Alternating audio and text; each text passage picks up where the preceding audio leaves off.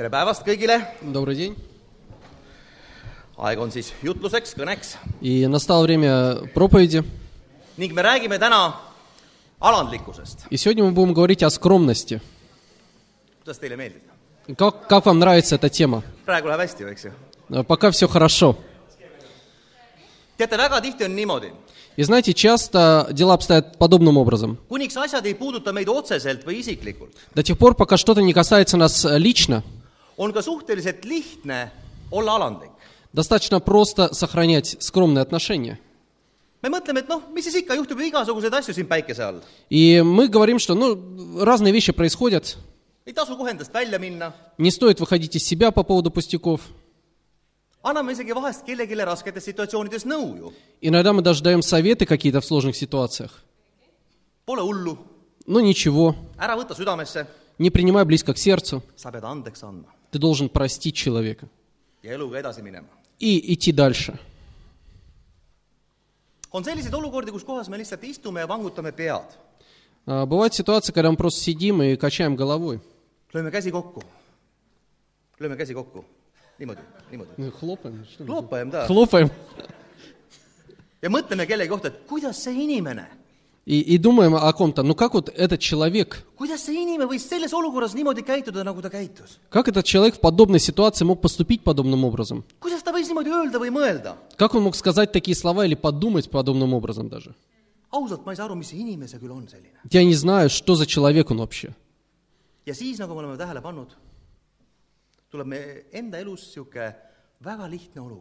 Если мы заме- заметили, то обычно после этого в нашей жизни возникает похожего рода простая ситуация. Просто из ничего. И наше поведение, оно зачастую намного хуже, чем поведение того человека. И о какой скромности мы сегодня будем говорить? Teate, ma arvan, et see tuleks kõigepealt lahti rääkida, sellepärast et muidu paljud võib-olla mehed arvavad, et see kõne on suunatud ainult naisterahvastele. Знаете, я думаю, что мы должны уточнить сразу же, расставить точки над «и», потому что многие мужчины иначе подумают, что это для женщин проповедь. teeme selle kõigepealt selgeks. Так что давайте э, проясним для себя. meil tuleb aru saada, et maailmas on need väga epo- ebapopulaarsed sõnad. Нам нужно понять, что в мире это очень непопулярные слова. kuuletumine, А, Послушание, allumine, alistumine. подчинение. sellepärast, et maailm õpetab meid olema alistamatu. Потому что мир учит нас не подчиняться никому. ja olla alandlik ei ole midagi sellist, mille poole inimesed iseenesest püüdleksid. И на самом деле скромность это не, какой-то, не какая-то черта характера, к которой люди стремились бы. me ei kuule väga tihti oma töö juures näiteks, et keegi räägiks, et mõtle, see on nii alandlik ja kuulekas inimene, vaata kui tore. Знаете, на работе мы не, не часто слышим, как наш босс, например, хвалит кого-то. Смотри, вот такой скромный человек, смотри, какой классный. Maailm ütleb niisuguste inimeste kohta, see on nõrk, А, В отношении таких людей мир обычно говорит, что они слабые. ta on täielik kelk, tal puudub oma arvamus. У него нет своего мнения, он просто подкаблучник какой-то. ta laseb endale pähe istuda. Ему просто на нем можно, на него можно сесть и поехать. aga vaimses elus on vastupidi. Но в духовном мире дела обстоят иначе. ilma kuuletumiseta, ilma allumiseta Без послушания, без подчинения on meil võimatu järgida Jumalat. мы не можем следовать за Христом. ja teate, ma tõesti usun, et äh, alandlikkus on teema, mis puudutab meid igat ühte. И знаете, я верю абсолютно, что тема скромности касается сердца каждого из нас. teate, kui me oleme kas või siinsamas saalis ja vaatame üksteise peale, vaatame üksteisele otsa kas või, И если мы сидим сегодня в этом зале, мы посмотрим хотя бы друг на друга, või natuke kuulame üksteist, или послушаем, а- а- а что мы говорим, siis mõne inimese kohta me saame kohe väga selgelt aru, see inimene то в отношении некоторых людей мы сразу, смотря на человека, можем сказать, что этот человек должен работать над скромностью. sa vaatad seda inimest ja näed, et ta iseloom on lihtsalt selline, et see teema on tema jaoks alati aktuaalne. А Te võite vabalt mind praegu vaadata, mina olen see inimene. Teate, ma kunagi tegin katse. Знаете, когда-то я сделал, произвел один опыт. aastaid tagasi ma küsisin koguduse juhi käest, et äh, kuule, et mis sa arvad, kas ma olen piisavalt alandlik? А, И какое-то время назад я спросил у, у руководителя церкви, как ты думаешь, достаточно ли я скромен? ja ma ootasin temalt niisugust ausalt öeldes niisugust natuke tasakaalukat ja niisugust mõõdukat vastust. И на самом деле тот ответ, который я ожидал от него, это был такой, ну, такой скромный и взвешенный ответ. aga tema ütles mulle otse, Но он прямо сказал мне. Он сказал, знаешь, ты по, по сути своей ты уже не, не скромный. Но это не означает, что ты не должен теперь работать над этим. Так что вот так вот обычно происходит, когда ты прямо спрашиваешь. Но знаете, среди нас есть и другого рода люди. Есть люди, на которых мы смотрим, и которым возникает даже зависть у нас в сердцах. ja kelle kohta me võib-olla mõtleme, et mis tal viga, ta on ju nii alandlik, rahulik, vaikne. И в отношении этих людей мы обычно думаем, а что у него или у нее за проблемы? Э, Такой скромный, тихий. küll temal on lihtne elada. Э, У него или у нее все просто. ja sellepärast ma tegin siin mõni aeg tagasi ühe väikese testi. И поэтому некоторое время назад я сделал такой маленький тест. ma küsisin Я спросил meie koguduse kõige tasasema naisterahva käest. у самой скромной женщины в нашей церкви. mõelge ise, kes see on. Вы можете сами по- подумать, кто это ma ta женщина. käest, kas sa vahest tõstad ka häält oma mehe peale. И я задал ей вопрос, слушай, а ты когда-нибудь поднимаешь голос на своего мужа, например? Она сказала, да. kergendus. И знаете, честно говоря, для меня это было облегчением. А в прошлое воскресенье я на всякий случай задал ей вновь вопрос. «А Ты все еще повышаешь голос на мужа? jaatavalt Она снова ответила утвердительно. И это на самом деле успокоило меня, потому что это показало, что все мы являемся грешными людьми. И точно так же это подтвердило все это. Подтвердило ту мысль, что скромность является темой для сердца каждого из нас. kas sina tead, mis on sinu jaoks need valdkonnad, kus sul on kõige raskem olla alandlik? Осознаешь ли ты для себя, что в твоей жизни является теми областями, где тебе сложнее всего быть скромным или остаться скромным? И давайте откроем Библию. ja loeme esimese Korintlaste üheksandast peatükist värsid kakskümmend kuus ja kakskümmend seitse. И прочитаем 26-27 стихи из 1 Коринфянам 9 главы. ja siin on öeldud, sellepärast ma jooksen, aga mitte nagu pimesi. ma võitlen, aga mitte nagu tuult pekstes, vaid ma löön oma ihu ja teen ta oma orjaks, et muile jutustades ma ise ei muutuks väärituks. Поэтому я не бегу бесцельно и бью кулаками не по воздуху. Нет, я тренирую свое тело, подчиняя его себе, чтобы, возвещая радостную весть другим, самому не оказаться дисквалифицированным. Paulus ütleb, et me võitleksime oma vaimseid võitlusi teadlikult. И Павел здесь призывает к тому, чтобы духовную борьбу мы действительно планировали ее. Это как тренировка. ja teate , sellepärast on meil vaja teada seda , kus ja millistes olukordades me oleme kõige rohkem haavatavamad . И знаете, для того, чтобы планировать все это, нам нужно понимать, в каких ситуациях мы являемся более ранимыми. teate , kurb on see , et vahest me isegi võitleme oma, oma võitlusi pimesi . И знаете, грустно, что иногда мы, у нас есть какая-то борьба, и мы идем вслепую. ja me võitleme nagu tuult pekstes . И мы боремся, ну, как будто бьем кулаками по воздуху. me ootame , tahaksime küll , et asjad liiguksid , А, Да, мы ожидаем, что вещи будут как-то, будет какой-то прогресс, но мы не, не ведем эту борьбу вместе с Богом. И в конце концов эти вещи, они несут нас с собой по течению. И мы живем от одного кризиса до следующего. И знаете, в конце концов это может привести нас к такой лицемерной жизни. И люди вокруг нас, они просто привыкнут. ah.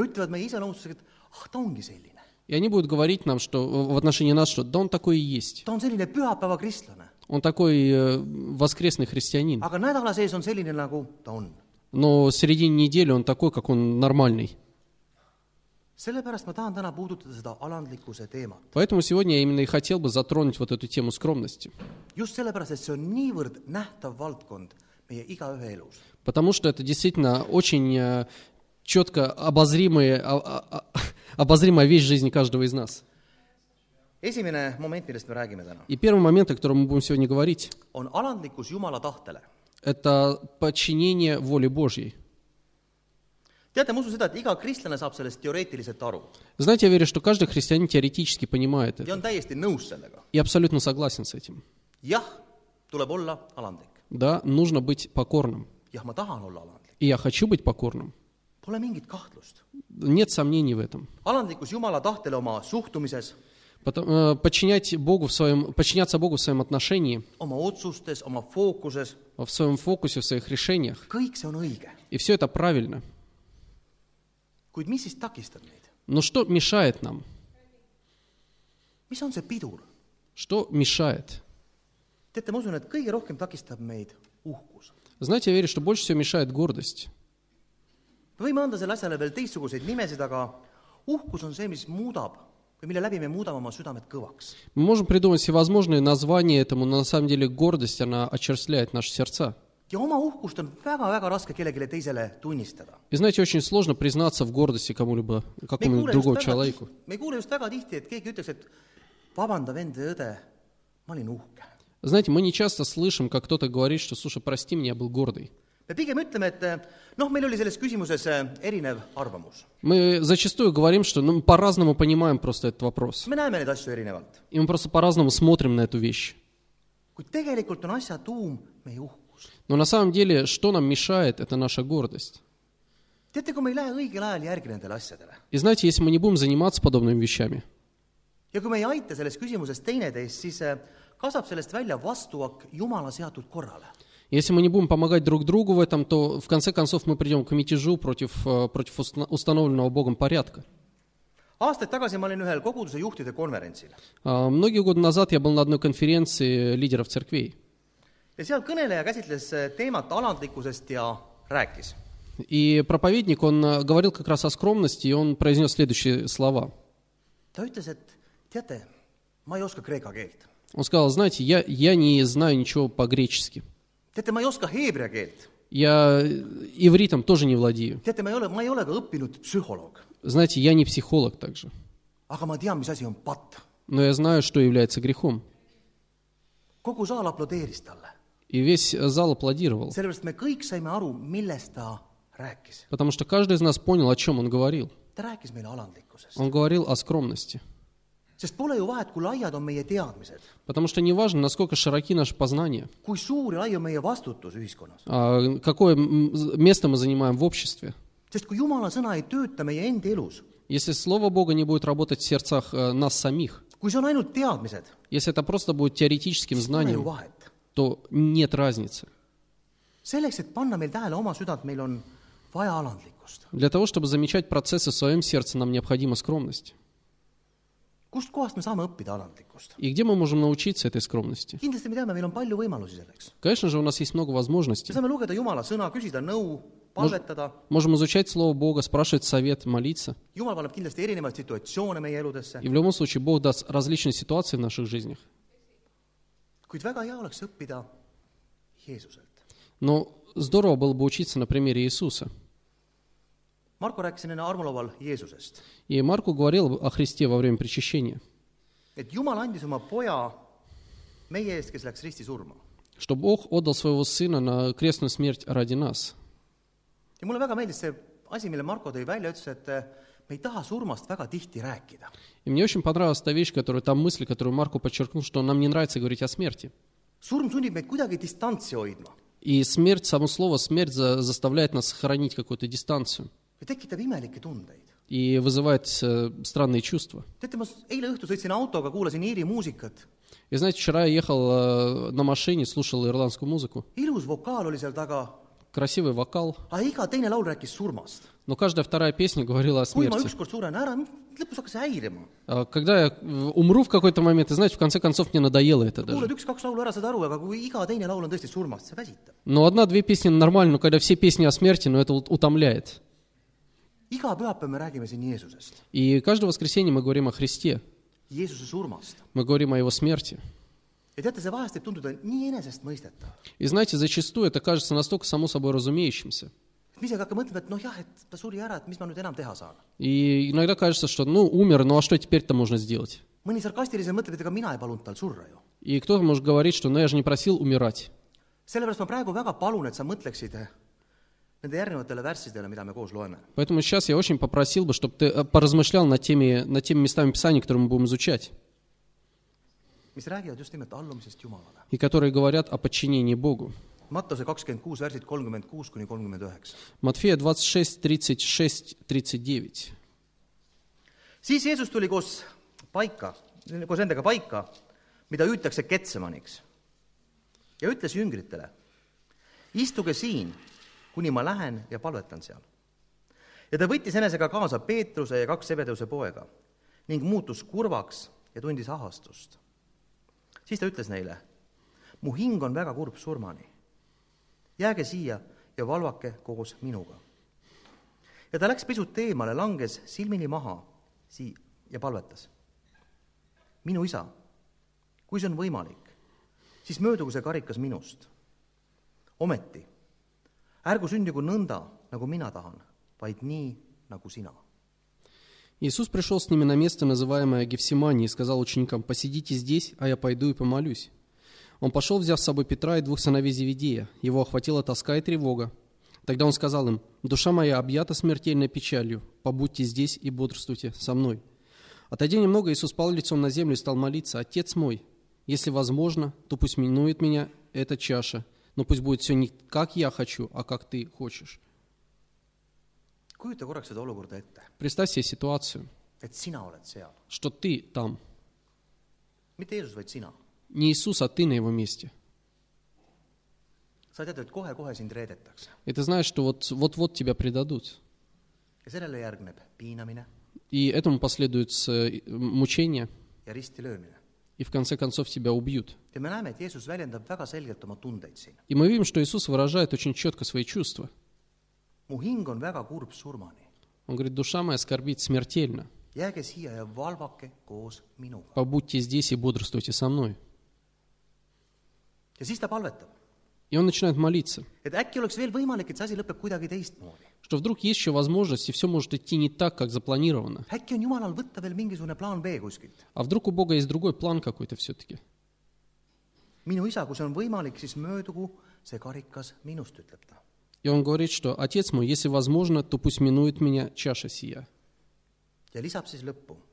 Но добавляет, ometi ärgu sündigu nõnda, nagu mina tahan, vaid nii, nagu sina. «А, но пусть будет все не как я хочу, а как ты хочешь. ta suutis teised ja kogu inimkonna panna ettepoole enda vajadustest ja oma tunnetest. И он смог поставить других людей и все человечество над своими чувствами и над своими потребностями. И это как раз тот момент, который я хотел бы подчеркнуть. Вот именно эта фраза Христа.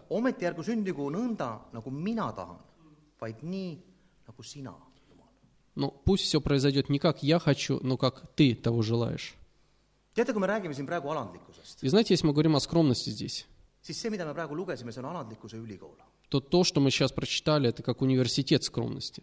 panna Jumala tahe ettepoole enda tahtest. А считать волю Божью выше своей собственной воли.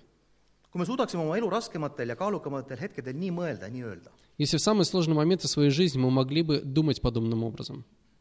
ma käitun nii, nagu Jumal tahab, Я буду вести себя так, как Бог хочет этого, mitte nii, nagu mina tahaks. не как я хотел бы. Aga kuidas eristada seda, et mis on nüüd antud olukorras Jumala tahtmine ja mis on äkki inimeste tahtmine? Но как отделить волю Божью от воли людей вокруг меня? teate, isegi koguduses võib see küsimus väga aktuaalseks muutuda. Знаете, даже в церкви зачастую этот вопрос становится актуальным. siit lava pealt võib ju rääkida igasuguseid asju. Мы можем проповедовать о чем угодно.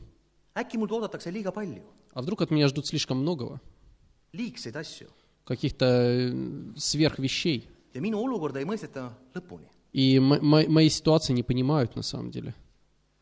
teate, ma olen täiesti veendunud selles, Знаете, я убежден, et mida rohkem ja mida sügavamalt me uurime Jumala sõna, что чем глубже мы изучаем Слово Божье, mida rohkem me veedame aega palves, чем больше мы проводим время в молитве, seda selgemalt me leiame ka sealt vastused enda jaoks. тем более четкие ответы мы найдем.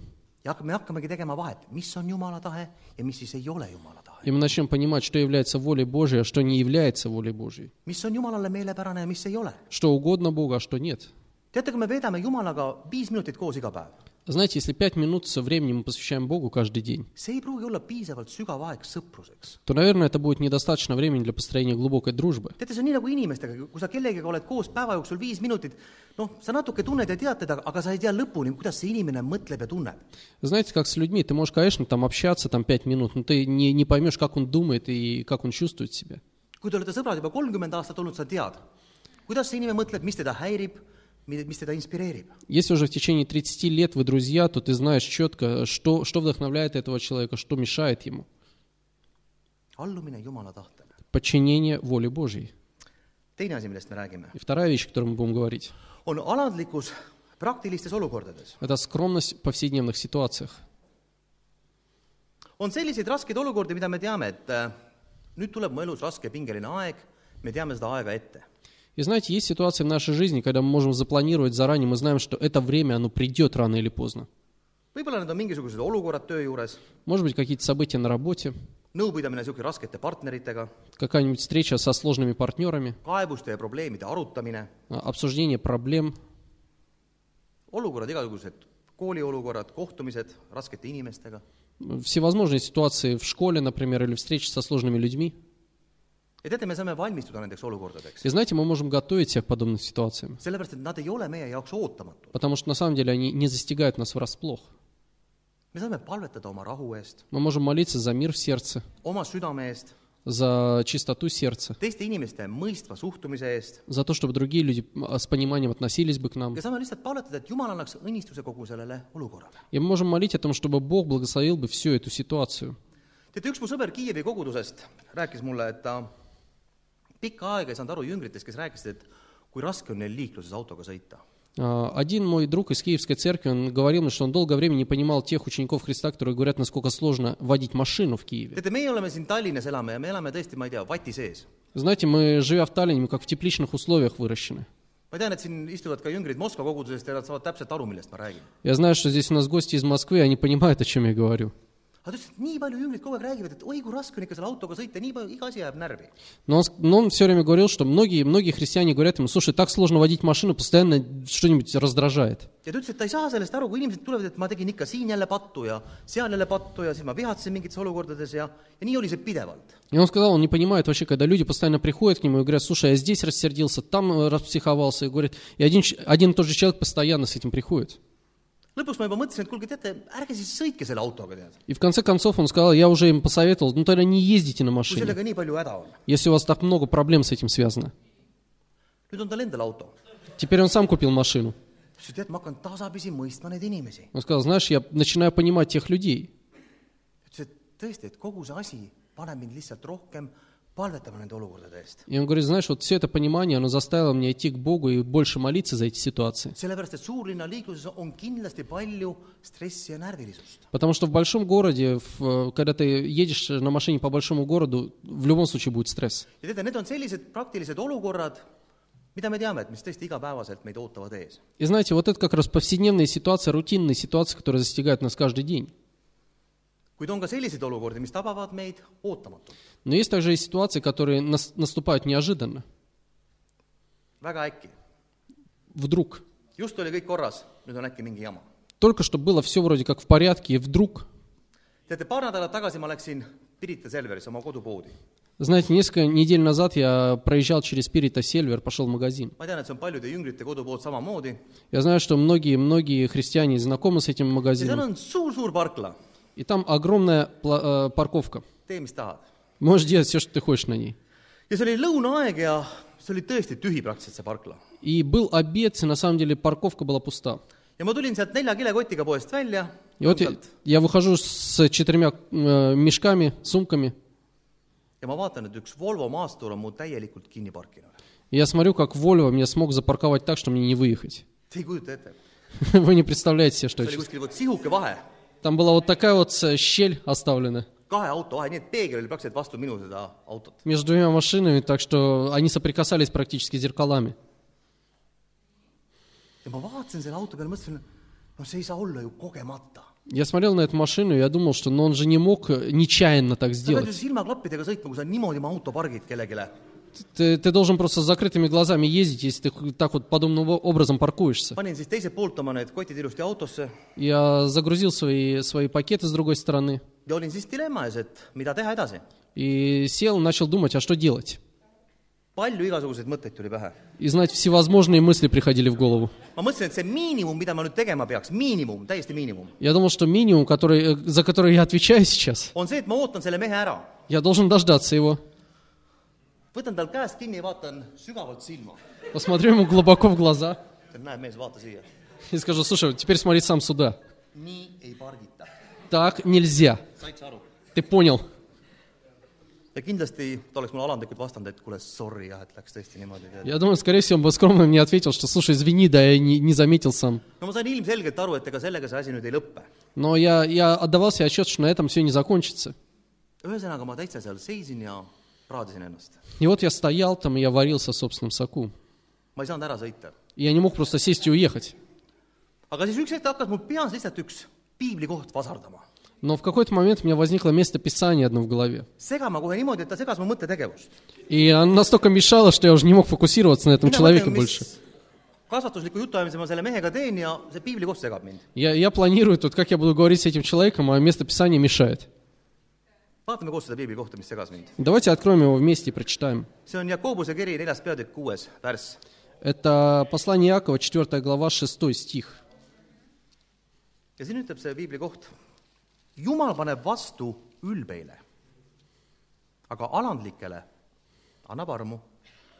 И здесь написано, Бог противник гордых, но смиренным Он дает благодать. me näeme sellest piiblikohast tegelikult, et äh, alandlik ja ülbe, need on vastandid. И мы видим в этом месте Писания, что гордые и смиренные, они как э, противоположности.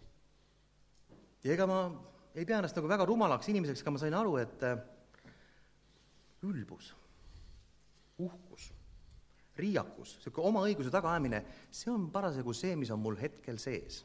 И я не считаю себя глупым человеком, поэтому я способен был осознать, что гордость и какое-то желание защитить свои права – это то, что является движущей силой сейчас. Ja ma olin seal, mõtlesin, et kumb ma siis olen, kas ma olen uhke või olen ma alandlik. Я стоял там, и у меня была дилемма передо мной, буду я скромным или буду я гордым. ja ma sain oma südames aru, et äh, kõige õigem on lihtsalt kuidagi sinna autosse ronida ja ära sõita. И в своем сердце я принял решение, что, наверное, самый простой выход – это залезть как-то в свою машину и уехать. aga ma ei saa, uhkus ei luba lihtsalt. Но гордость просто не позволяла это сделать. tead, kui hea oleks praegu kedagi teist rahustada või õpetada, я думал, что как хорошо мне было бы сейчас со стороны учить или успокаивать подобного человека. kui keegi vend oleks mulle helistanud selles olukorras, oleks talle lihtsalt öelnud, et kuule, rahune maha, et maailmas juhtub ju palju hullemaid asju. Если какой-нибудь брат позвонил бы, я бы сказал, слушай, успокойся, потому что намного с- хуже вещи происходят с людьми. mõtle selle peale, mis praegu Liibüas toimub, noh. А Подумай о том, что в Ливии происходит сейчас. lõpuks ma siis ronisin sinna autosse. В конце концов я залез в свою машину ma kaalun sada kakskümmend kaheksa kilo, ma ronisin siis teisest uksest sisse, hakkasin ennast seal üle igatpidi upitama, 120 килограмм живого веса, я просто пытался пробираться там sada kakskümmend восемь, 128, et asi oleks lõpuni aus. чтобы быть совершенно честным. vahepeal ma sain veel kõhukrambid seal, mõtlesin, et ma ei saa ära minna sealt. Меня просто э, мышцы пресса свело судорога, я подумал, что я теперь так и останусь здесь. ütleme nii, et lõpuks sai hea kurjast võitu. И в конце концов я, конечно, добро победило зло. aga see oli lihtsalt üks ootamatu olukord, milleks ma ei olnud valmis Но tegelikult. знаете, это одна неожиданная ситуация, к которой я не был подготовлен. teate, olukorrad võivad vahelduda. И знаете, эти ситуации, они могут быть различными. kui me ei muuda oma suhtumist, Если мы не, не изменим свои отношения, siis me astume ikka ja jälle sellesama reha otsa. то мы вновь и вновь будем наступать на те же самые грабли. ja teate, see muster hakkab korduma. И знаете, вот это, это, это будет повторяться, это, этот узор будет повторяться. see hakkab toimuma meiega kodus, Это будет происходить с нами дома, omavahelistes suhetes, в отношениях с другими людьми, töö juures, sõbrad panevad seda tähele. на работе, друзья начнут замечать это. situatsioonid on võib-olla erinevad, aga see käitumismuster on tegelikult sama. Ситуации могут изменяться, но на самом деле вот эта канва поведения, она будет оставаться одинаковой. Mõtleme praegu olukordadele oma elus. И давайте вспомним ситуации в нашей жизни. mõtle praegu enda elu peale. Подумай о своей жизни сейчас. mis on sinu jaoks need rehad, mille otsa sa ikka ja jälle astud? На какие грабли ты сам наступаешь раз за разом? võib-olla see on kellegi teise inimese suhtes mitteaustav käitumine. Может быть, это неуважительное отношение к другим людям. võib-olla see on hääle tõstmine oma kõige lähedasema inimese peale . Может быть, это м, поднятие голоса на самых близких тебе людей. võib-olla on see lihtsalt ilma piduriteta vaidlemine ja oponeerimine Может быть, это просто споры и разногласия või krooniline andestamatus . или хроническое непрощение. teate , ma olen veendunud , et meil on kõigil neid asju , millega tuleb teha tõsiselt tööd . Я верю, что у каждого из нас есть жизни вещи, над которыми мы должны серьезно работать, которые Бог время от времени выводит на поверхность нашей жизни, чтобы мы научились останавливать себя в подобных ситуациях. И задавать себе вопрос, а что Бог ожидает от меня в этой ситуации? иначе, знаете, с вещами обычно происходит так, что по одному сценарию они движутся. Teen kusagil pattu kellegi vastu, millegi vastu. Я где-то ошибся, согрешил против кого-то. pärast seda mossitan kaks päeva, ei võta telefoni vastu, После этого я не беру телефон, olen omadega täiesti maas а, депрессняк, ja siis kahetsen. и потом покаюсь. ja nii on aasta-aastalt, И так из года в год, sama ring. точно так же, как э, колесо. ma ei usu, et see on lahendus. Я не верю, что это является решением. Давайте посмотрим последнее местописание сегодня, э, в продолжение к, нашему, к нашей теме. õpetussõnad kakskümmend üheksa, esimene värss. А, 29 глава книги Притч, э, первый стих. kes noomimisest hoolimata jääb kangekaelseks, murtakse äkitselt ja paranemist ei ole. Тот, кто коснеет в упрямстве после многих упреков, будет внезапно погублен без исцеления. murtakse äkitselt. Внезапно погублен. äh. И знаете, мы привыкли к мысли, что у нас постоянно появляется новая возможность. Но Библия говорит, что внезапно этот человек будет сломлен, который постоянно очерствляет свое сердце. teate, ma ei oska öelda, kas sa pead ennast kangekaelseks inimeseks või mitte. Знаете, я не могу сказать, считаешь ты себя упрямым человеком или нет. Может быть, ты вообще считаешь, что ты не упрямый. Я думаю, все зависит от того, с кем ты сравнишь себя. võib-olla me võrdleme ennast, ma ei tea, kellegi naabrimehega või naabrinaisega või töö juurest kellegi naisterahvaga, kelle kohta öeldakse nõid Или на работе с какой-нибудь женщиной, которую зовут за глаза ведьмой. Или с каким-нибудь алкоголиком. ja me tunneme ennast hästi. И мы чувствуем себя хорошо в такие моменты. no mul on sinnamaani veel väga-väga pikk maa minna. И нам кажется, что ну, до этого человека мне еще долго нужно дойти. aga teate, ma ütlen, kui me võrdleme ennast Jumala sõnaga, Но знаете, если мы будем сравнивать себя со, с принципами Слова Божьего, siis me näeme kindlasti, et meil on veel ruumi kasvada. тогда мы заметим, что у нас есть э, простор для роста. aga ma ütlesin ka alguses, on alandlikkus väga nähtav valdkond meie eludes. Но, как я уже сказал в начале, что скромность это очень, это, это легко заметить в наших жизнях. väga nähtav. Это заметно невооруженным глазом. näevad ja panevad sind tähele sinu käitumist, Потому что все видят тебя и все замечают твое поведение. eriti kui see ei ole alandlik. Особенно в те моменты, когда ты не скромен. ja mõtleme lihtsalt sellele, et läbi selle, me läbi meie oma käitumise on meil võimalik väga kergesti kas Jumalat häbistada И давайте будем думать о том, что именно своим поведением нам очень просто или, при- или пристыдить Бога, или принести славу Его имени.